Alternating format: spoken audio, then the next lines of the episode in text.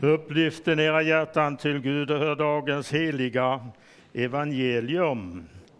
Så skriver evangelisten Markus i eh, det tionde kapitlet.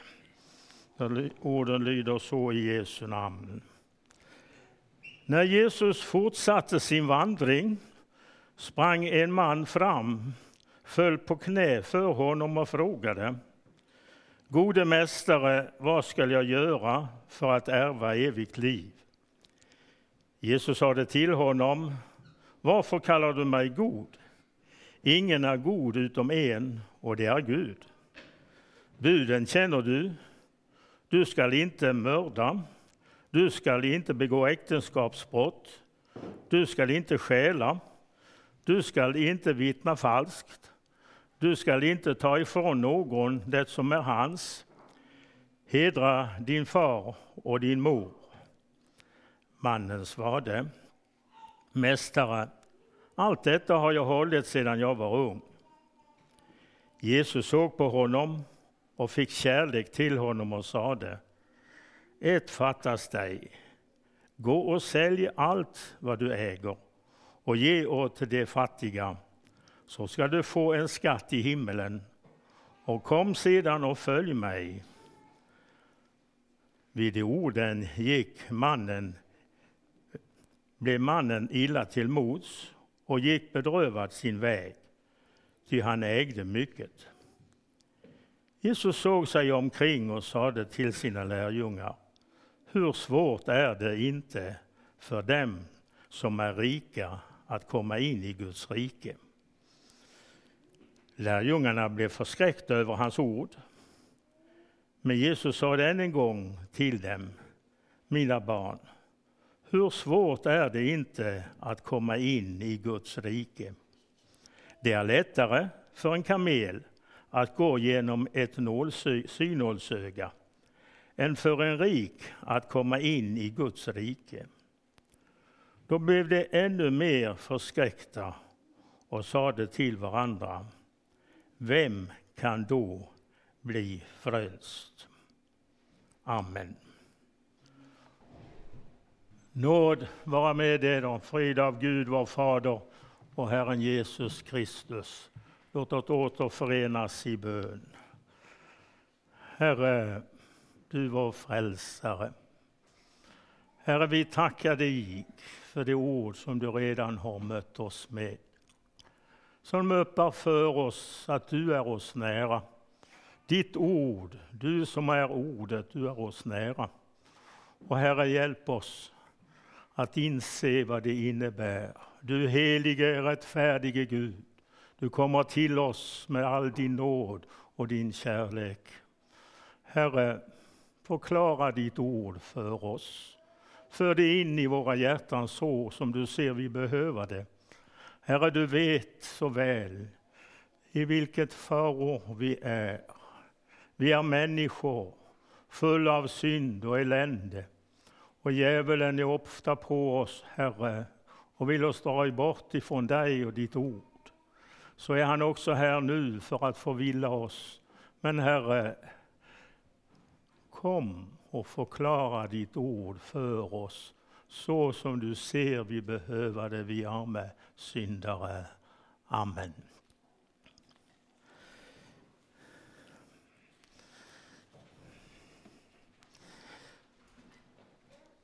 Där uppe skall en evig sabbat vara, ett evigt jubel från en frälsad skara. Tänk när och jag får stå vid livets älv och glömma allt och se på honom själv. Ord av Lina Sandell. Vill vi inleda för att veta det här är Guds vilja med oss. Det finns en sabbatsrot åter för Guds folk. Det är hans vilja att du och jag skulle vara med honom alltid. Jesus säger i sin översta prästliga förbön, jag vill att dessa är med mig och eh, att de får se min härlighet hemma hos dig. Det ska alltid förkunnas Guds vilja med oss. Och sedan också hur han handlar med oss. När det gäller eh, Gud som är kärleken så kan vi se hans vilja. Och vi har hört det så gott förut. Men jag ville åter påminna vad vi läser i eh, Johannes första brev. Så uppenbarades Guds kärlek till oss. Alltså han uppenbarade sin kärlek till oss. Han sände sin enfödde son till världen för att vi skulle leva genom honom. Här ser du Guds kärlek till oss. Han sände sin son för att eh, världen skulle leva genom honom. Och kärleken består inte i att vi har älskat Gud, utan att han har älskat oss och sänt sin son till försoning för våra synder. Han har gjort möjligheten att du och jag skulle kunna få denna sabbatsvila. Dagens texter, och där vi läste med varandra, att det är svårt att komma in i Guds rike. Det är Jesus som säger det. Och eh, det ställer oss inför vad vi sjöng i sången. Var är du? Vart går du? Vem leder och styrer din väg? Vägen till Guds rike, eller trons lydnad, som vi har i texterna idag. Ämnet för texterna idag.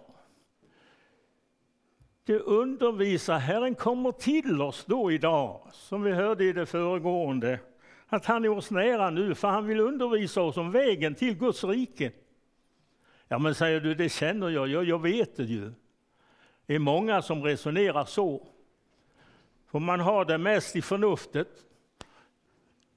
Jag eh, var på, skulle ha ett möte och vi resonerade förut och vi kom in på att vi ville höra vad Jesus har gjort för oss hur vi ska komma till himlen. Jo, men det där har vi hört så mycket, vi kan väl höra någonting annat. Så är människan.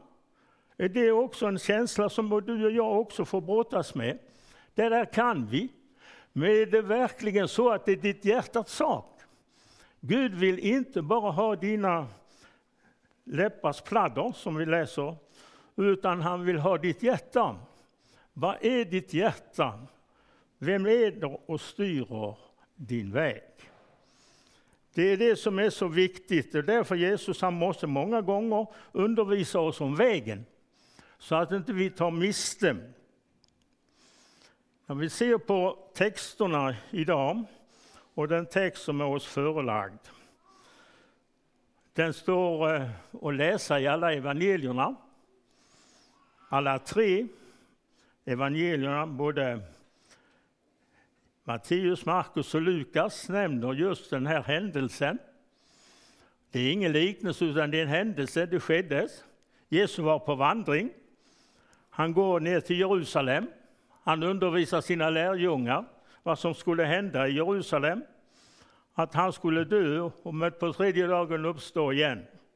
Det var så otänkbart för lärjungarna att de förstod ingenting av det. Fast Jesus ville försöka undervisa dem om det. Men eh, om vi då läser att Jesus gick vidare, så eh, vad hade hänt förut? Jesus hade välsignat barnen. Han gick ifrån barnskaran som han hade haft i sin famn och gick vidare. Och eh, alla evangelierna nämner just i sammanhanget att det var just ifrån denna händelsen som Jesus gick vidare. Och sedan kom då denne man springande fram till honom. Och vad vill det lära oss? Något om vägen till Guds rike. Jag kan se, inte annat än se det så, eftersom det kommer just i detta sammanhang. Jesus tar barnen upp i famnen och välsignar dem. Det är dessa ord som vi läser före barndop som vi har. Och vad innebär det? Ja, det är att Jesus tar dem upp i sin famn och välsignar dem. De kommer in i Guds rike. Vägen till Guds rike, vi ser hur Jesus gör med barnen. För att de ska komma in i Guds rike och det är det vi gör när vi för dem till dopet. Och jag har tänkt så ofta då vi har burit fram våra små till dopet. O, vad gott det är för att lämna dem i Guds hand. Att han vill ta emot dem. Och eh, när vi säger att det är svårt att komma in i Guds rike och vi ser på hur Jesus handlar med barnen så står det inte att barnen inte ville sitta i Jesu famn. Det var inte svårt för föräldrarna att lämna dem till Jesus utan det var ju snarare så att lärjungarna tyckte det passade inte. Men Jesus han säger det är dem han ville ha. Det, Guds rike hör dem till, alltså han själv, Jesus, hörde dem till. Och det ville han då föra dem in i Guds rike. Och så Jesus säger, kommer inte någon in i himmelriket så som barn, så kommer de aldrig där in. Guds rike måste vi födas in i. Du måste födas på nytt för att komma in i Guds rike. Och du kan aldrig se det eller komma in i det om du inte blir född på nytt. Förd ifrån det mänskliga sammanhanget som syndare och lever i vad Gud själv har sagt, den som syndar skall dö. Det är människan. Det är därför Luther han säger även till de små, skynda dig och döp den hedningen för att föra in den i Guds rike för vi födes inte in i Guds rike, utan vi födes som arma syndare, som är född under lagen. Och lagen säger, du skall och du skall icke. Men då får vi föra dem in i Guds rike, det nåderiket, där de får, Herren han, och vår frälsare, han handlar med dem i nåd. För det är det som är så stort här på jorden, att vi får födas in i denna syndens värld som syndare. Men det finns ett nåderike. Och det finns, som vi nu säger, det är ett rike som då Herren vill föra oss in i. Alla människor vill han ha in i sitt rike. Han är angelägen om det, mer än människan, för människan i sig själv är inte alls angelägen att eh, ha med Gud att göra. Det är, tycker jag, så beklämmande när Jesus han träder in i mänskligheten och det heter om honom, han kom till sitt eget, sina egna. Och där kan man ju se också i själva som jude, han föddes in i, bland judarna, han kom till sitt egna, men hans egna tog inte emot honom. Han var inte välkommen. Tänk, han fick känna det. Han var inte välkommen och ändå kom han för att offra sig för hela människosläktet. De ville inte ha med honom att göra. O, vilken kärlek, underbar sann. Att han ändå ville offra sig för denna världen som är full av synd och elände och motstånd mot honom. Därför kommer vi in i detta förhållande som då skrifterna nu vill undervisa oss om. Hur ska jag komma in i gemenskapen med honom när jag har och är född med en sådant sinne att jag är motståndare, fiende mot Gud? En eh, söndagsskolelärare, för att åter poängtera hur det går med Jesus och barnen, så ville han försöka undervisa för sina elever hur eh, det var att tro och ta emot Guds rike. Att tro och kunna ta emot det. Alltså som vi nu hörde i det andra temat, trons lydnad. Då Paulus han hade fått den uppgiften ifrån Gud att föra hedningarna till trons lydnad, att tro och handla därefter. är att lyda det man ser. Och så läraren han skulle försöka lära sina elever. Så säger han, då tar jag av mig min klocka och så kommer den som vill ha den får komma fram och ta den. Och han sträcker fram sin klocka och barnen tänker, men inte kan han väl mena sådär. Den fina klockan, inte vill han väl ge bort den där. Det var ingen som kom. Längst bort i salen så sitter det en liten parvel och dinglar med sina ben. Han räcker inte ner på, på golvet. Så struvar han sig och försöker komma ner på golvet. Så går han fram och så tar han klockan. Så går han tillbaka och sätter sig och tittar på vad han har fått. Så är det att komma in i Guds rike. Barnen, helt utan, han bara hörde och trodde vad han hörde och handlade därefter och fick då gåvan. Det som jag ofta har kanske velat påminna om.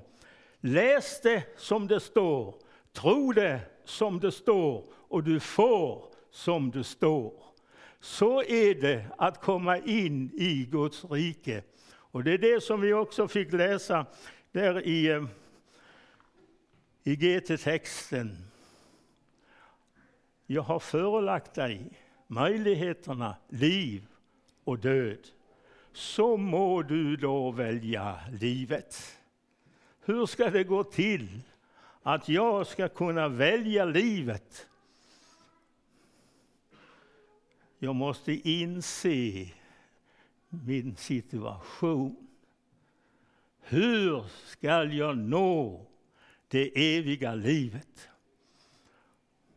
Det var det som då vår text handlar om. När Jesus gick från barnen, där han hade sett hade han fått in dem i sitt rike, så kommer en man som är angelägen om att få komma in i Guds rike. Han säger, vad ska jag göra för att ärva Guds rike? Han var en ung man, en ansedd man i samhället. Han hade allt vad han kunde begära. Han var rik. Men ändå var det något som sa han, är det någonting som fattas mig? Det var inte så han kom till Jesus för att fresta honom på något sätt, utan han var ärlig. Jag vill komma in i Guds rike, men hur ska det gå till? Är det någonting som fattas mig? Jesus säger till och med, det läser vi i Matteus. Vill du ingå i Guds rike, så håll budorden. Vilka, säger han. Och då läser vi som Jesus han för upp, och det är alla buden. Håll dem. Vill du ingå i livet så håll buden. Och det var ju alla buden, kärleken till vår nästa, som Jesus räknar upp. Han hör det. Han säger, men mästare, allt det där har jag hållit från min ungdom. Det är inget främmande för mig. Jag har levt efter det. Han säger gode mästare. Han var en överhetsperson. Han hade säkert frågat många. Nu hade han hört detta om Jesus, att han gärna undervisade och han håller honom för en god mästare. Jesus säger, varför kallar du mig god? Det finns ingen god här på jorden utom Gud. Och det visste han. För eh, han kunde lagen, han var jude, uppfostrad i judiska seder. Han levde efter lagen.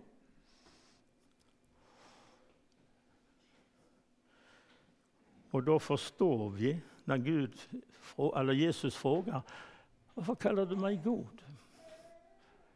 Jesus ställer honom i frågan, är det så du tror att jag är Gud? Därför du kommer. Men av sammanhanget så förstår man att han håller honom inte för att vara Gud, utan en god människa. Och det är det som är svårigheten. Och för den som lever på detta sätt, han hade egentligen allt som man kan tänka sig, men ändå inte var lycklig. Så är det också i vårt samhälle idag. Man försöker att få allt man kan tänka sig, man har möjlighet till det. Men är människor mer lyckliga i dagens samhälle som har det så mycket bättre än våra fäder? Vi måste konstatera, lyckan sitter inte i välfärd. Utan lyckan finns på ett helt annat sätt. Att vara beroende och få det man vill ha, men inte på det sättet utan att någonting som jag känner att jag får fast jag inte är egentligen berättigad av det. När vi var ung, vi hade inte så stora möjligheter som ungdomen idag. Vi hade många drömmar framåt. När jag får det, det och det så ska jag skaffa mig det och det. Man hade en framtidsplan. Jag minns min bror, som var ett år äldre än jag. Vi diskuterade om det, vad han skulle då, han var 16 år när han gick ut det första jobbet. Och han sa, vet du vad jag ska köpa när jag har min första lön? Nej, så det vet jag inte. Jag ska köpa mig ett kilo bananer för att kunna äta bananer, för det hade han inte kunnat. Det hade han aldrig fått. Utan då ville han försöka, det var någonting som han längtade efter. Idag har ungdomen allting, de behöver inte längta efter någonting.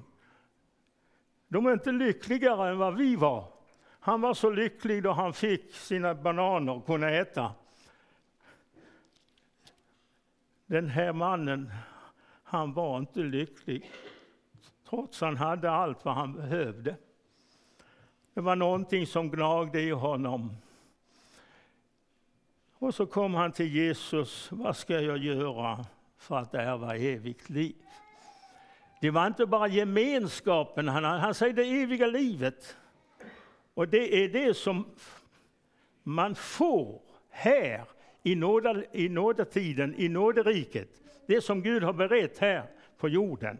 Här umgås han med sitt folk i ordet och sakramenten. Men där, det eviga livet, det är som vi påminde om, som Lina Sandell om den, den sabbatsronen, var hemma och få se honom. Det är det eviga livet. Och det är, det är två saker som framlägges för oss, som vi läste i, i eh, GT-texten. Det var, eh, jag förelägger dig idag döden och livet. Vi är evighetsvarelser.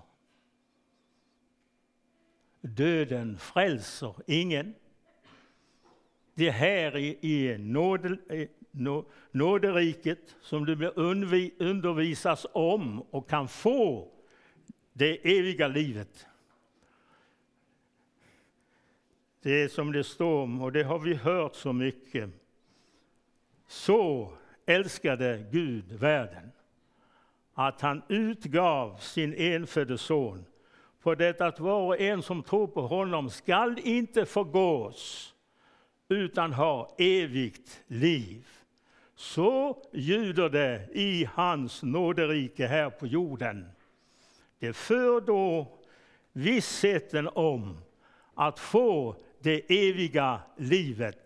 Leva med Jesus och se honom i hela evigheten. Det är målet, det är Guds mål med oss. Och då, vi kan eh, se när det gäller vårt nådeliv här på jorden så tycker vi många gånger att det går både på det ena och det andra sättet. kan vi se Guds ledning i allt och tänka att det är nådig, barmhärtig Gud som handlar med oss. Många gånger kan det bli svårt att se det så. Men ordet vittnar om, som vi inledningsvis, hans vilja är att du och jag ska bli saliga. Och det är det som då sångaren också säger, vad han tar och vad han giver, samme fader han förbliver. Och hans mål är blott ett ena, barnets sanna, eviga väl alena. Hela din och min vandring, den fostran han har med oss, det går därpå ut.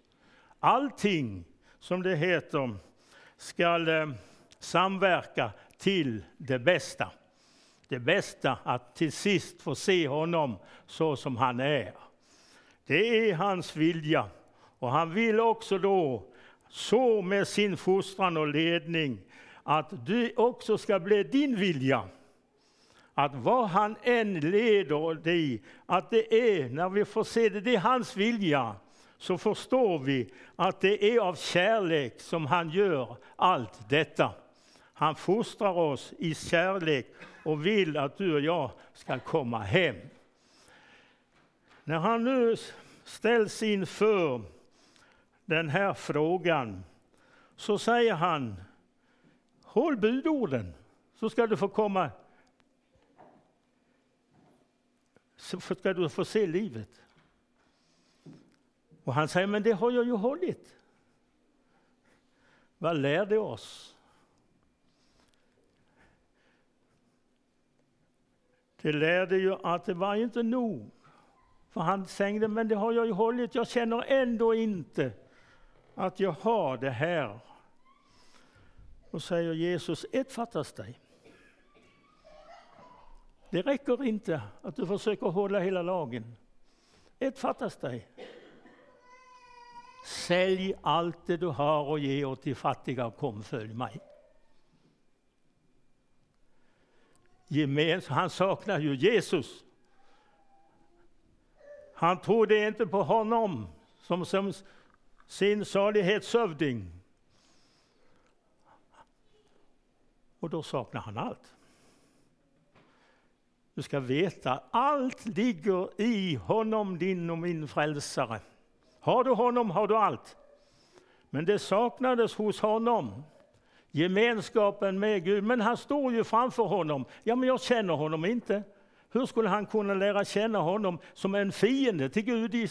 För han vill leva efter lagen, han vill göra så att säga vägen själv. Så är det med många människa också idag. Vi har den läggningen, både du och jag. En väg som han var på har jag varit i tio års tid. Att försöka min egen rättfärdighet. Så jag vet vilken fara det är. Att komma in i uppfostringskristendom och försöka leva efter lagen och allt vad man har hört hur man skulle vara som kristen. Och det går. Det går inte sönder.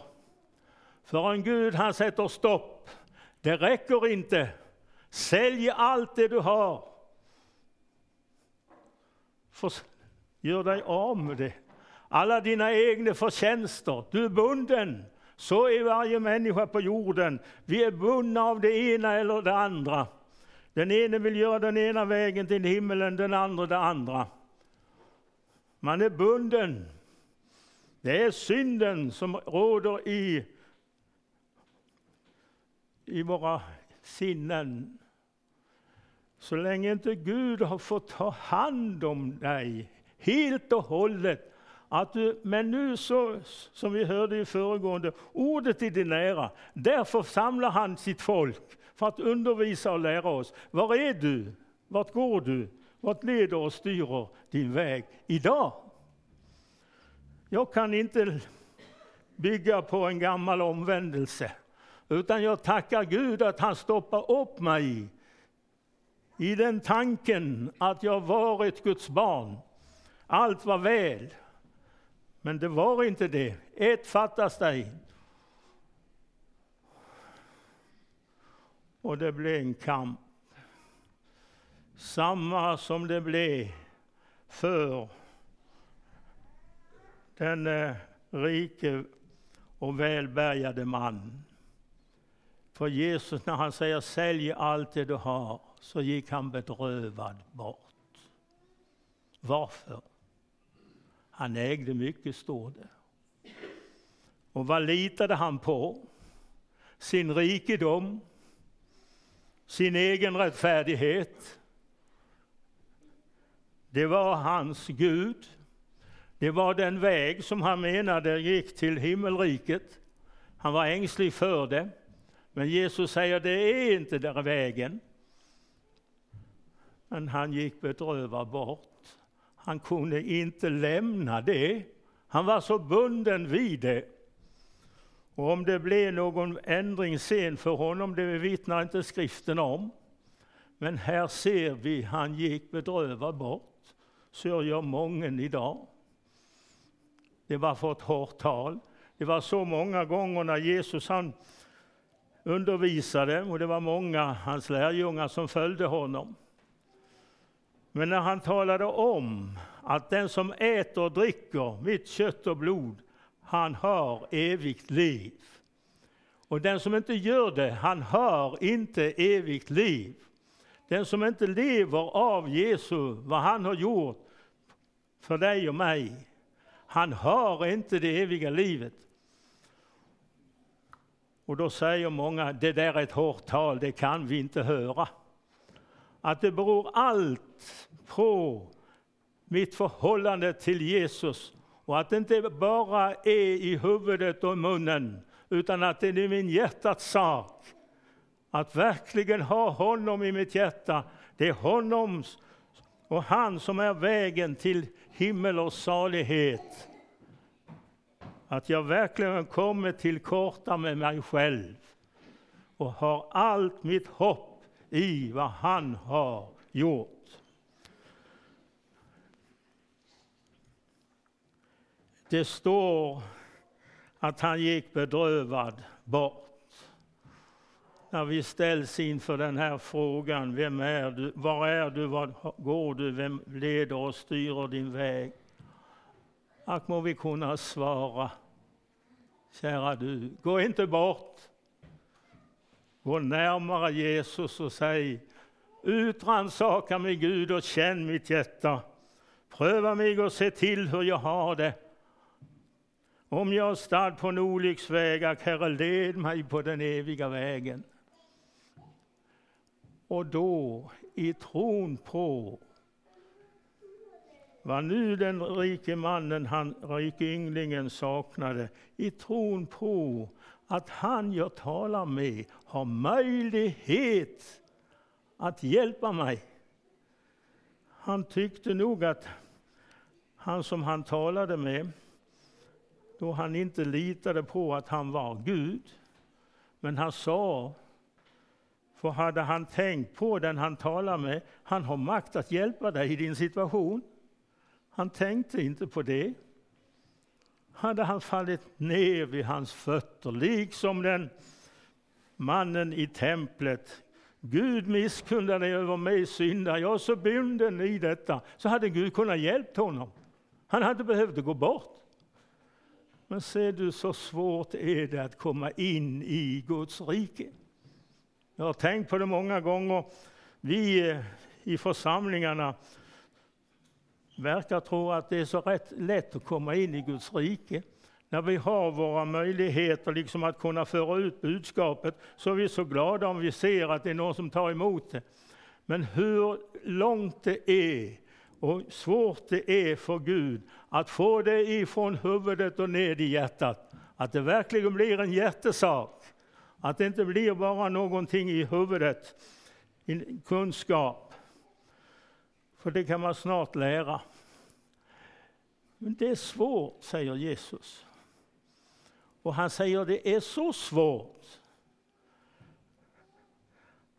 att det är lättare för en kamel att gå igenom ett snålsöga. Vilken bild! Vilken bild!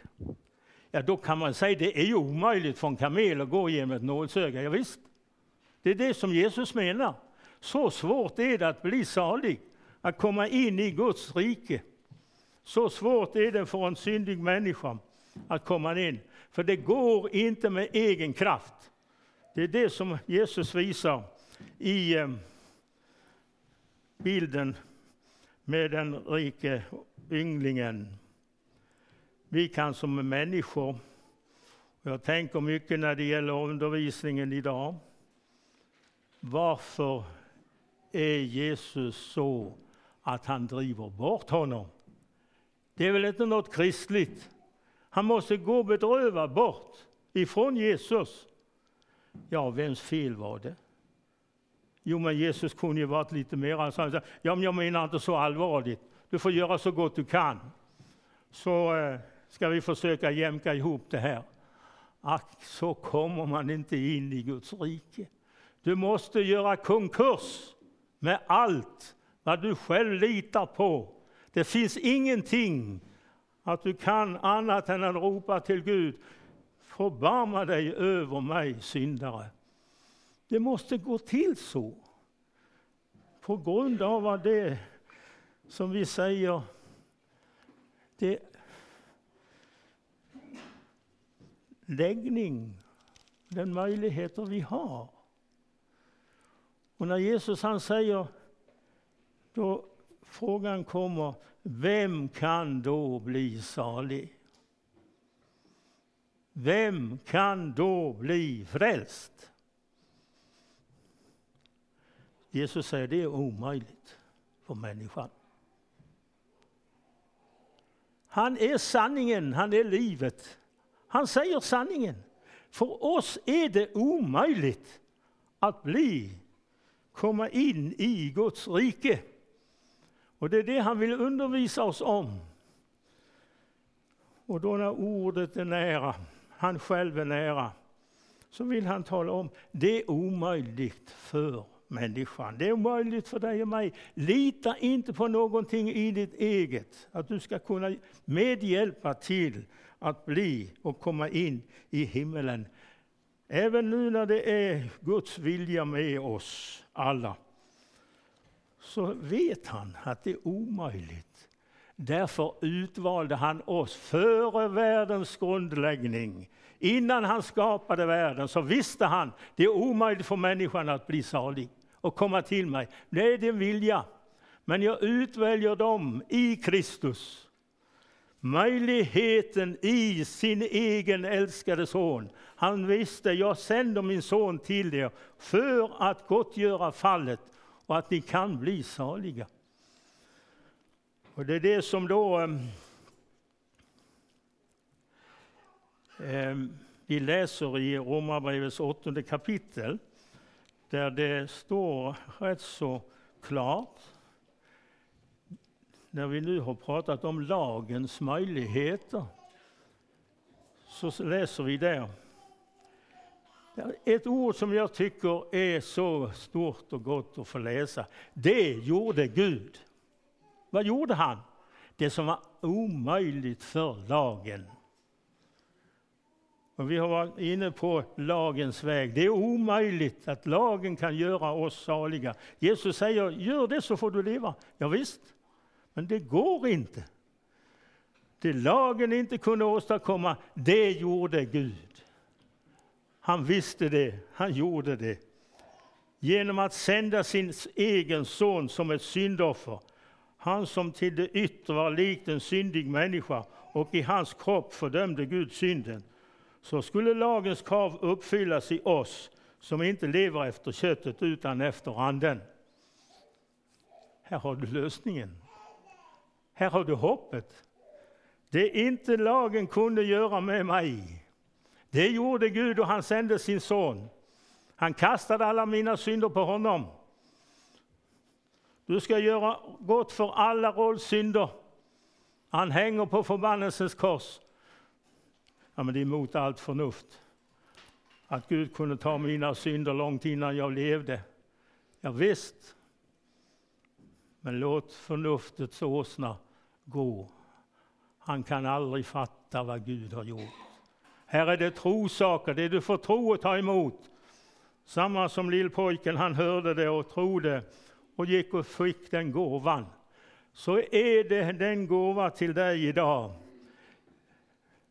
Det lagen inte kunde åstadkomma, det gjorde Gud. Han sände sin son i ditt och gick in i ditt och mitt ställe och fullgjorde hela lagen.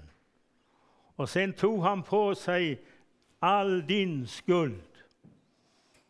Det var dessa två sidor som han skulle utföra, vad det heter när det gäller både sitt lidande och sitt görande och lidande lydnad.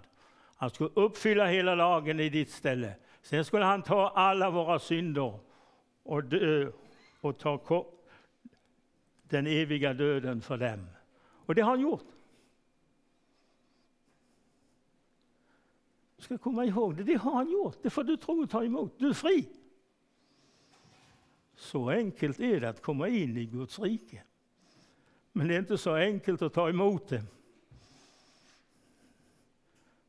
Men vi, därför Jesus säger, den som inte tar emot Guds rike så som ett barn, han kommer aldrig därin.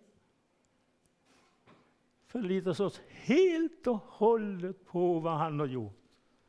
När han kommer med sitt evangelium och säger allt det du inte kan, som lagen säger, det har jag gjort för dig. Vad sker i den arme syndarens hjärta? Det som inte vi kan se, det säger Jesus till han som stod i, i templet och förropade till Gud, misskunda dig över mig syndare. Så står det, han gick hem rättfärdig, men inte den andra. Det kunde inte människorna se, och de trodde nog inte på det. Men Gud säger det. Varför det? För han ropade till Gud om misskund. Och han levde, och som nu och jag också, i nådatiden där Gud handlar i nåd. I hans nåderike så erbjuder han denna möjlighet att komma in i Guds rike helt av nåd. För han har själv utfört det. Och det fick vi höra så gott ifrån altaret, vad han har gjort i ditt och mitt ställe. Men det är ju inte bara nog att vi hör det. Vi ska också kunna tro och ta emot det. Trons lydnad. Använda det. Och det är mitt hopp för evigheten. Vad är ditt hopp för evigheten? sjunger sångaren. Det står, vem kan då bli frälst? Du, Jag. Det är Guds budskap till oss idag. Du och jag kan bli frälst. Tro det och du får leva. Vi läser i till sist i Johannes brev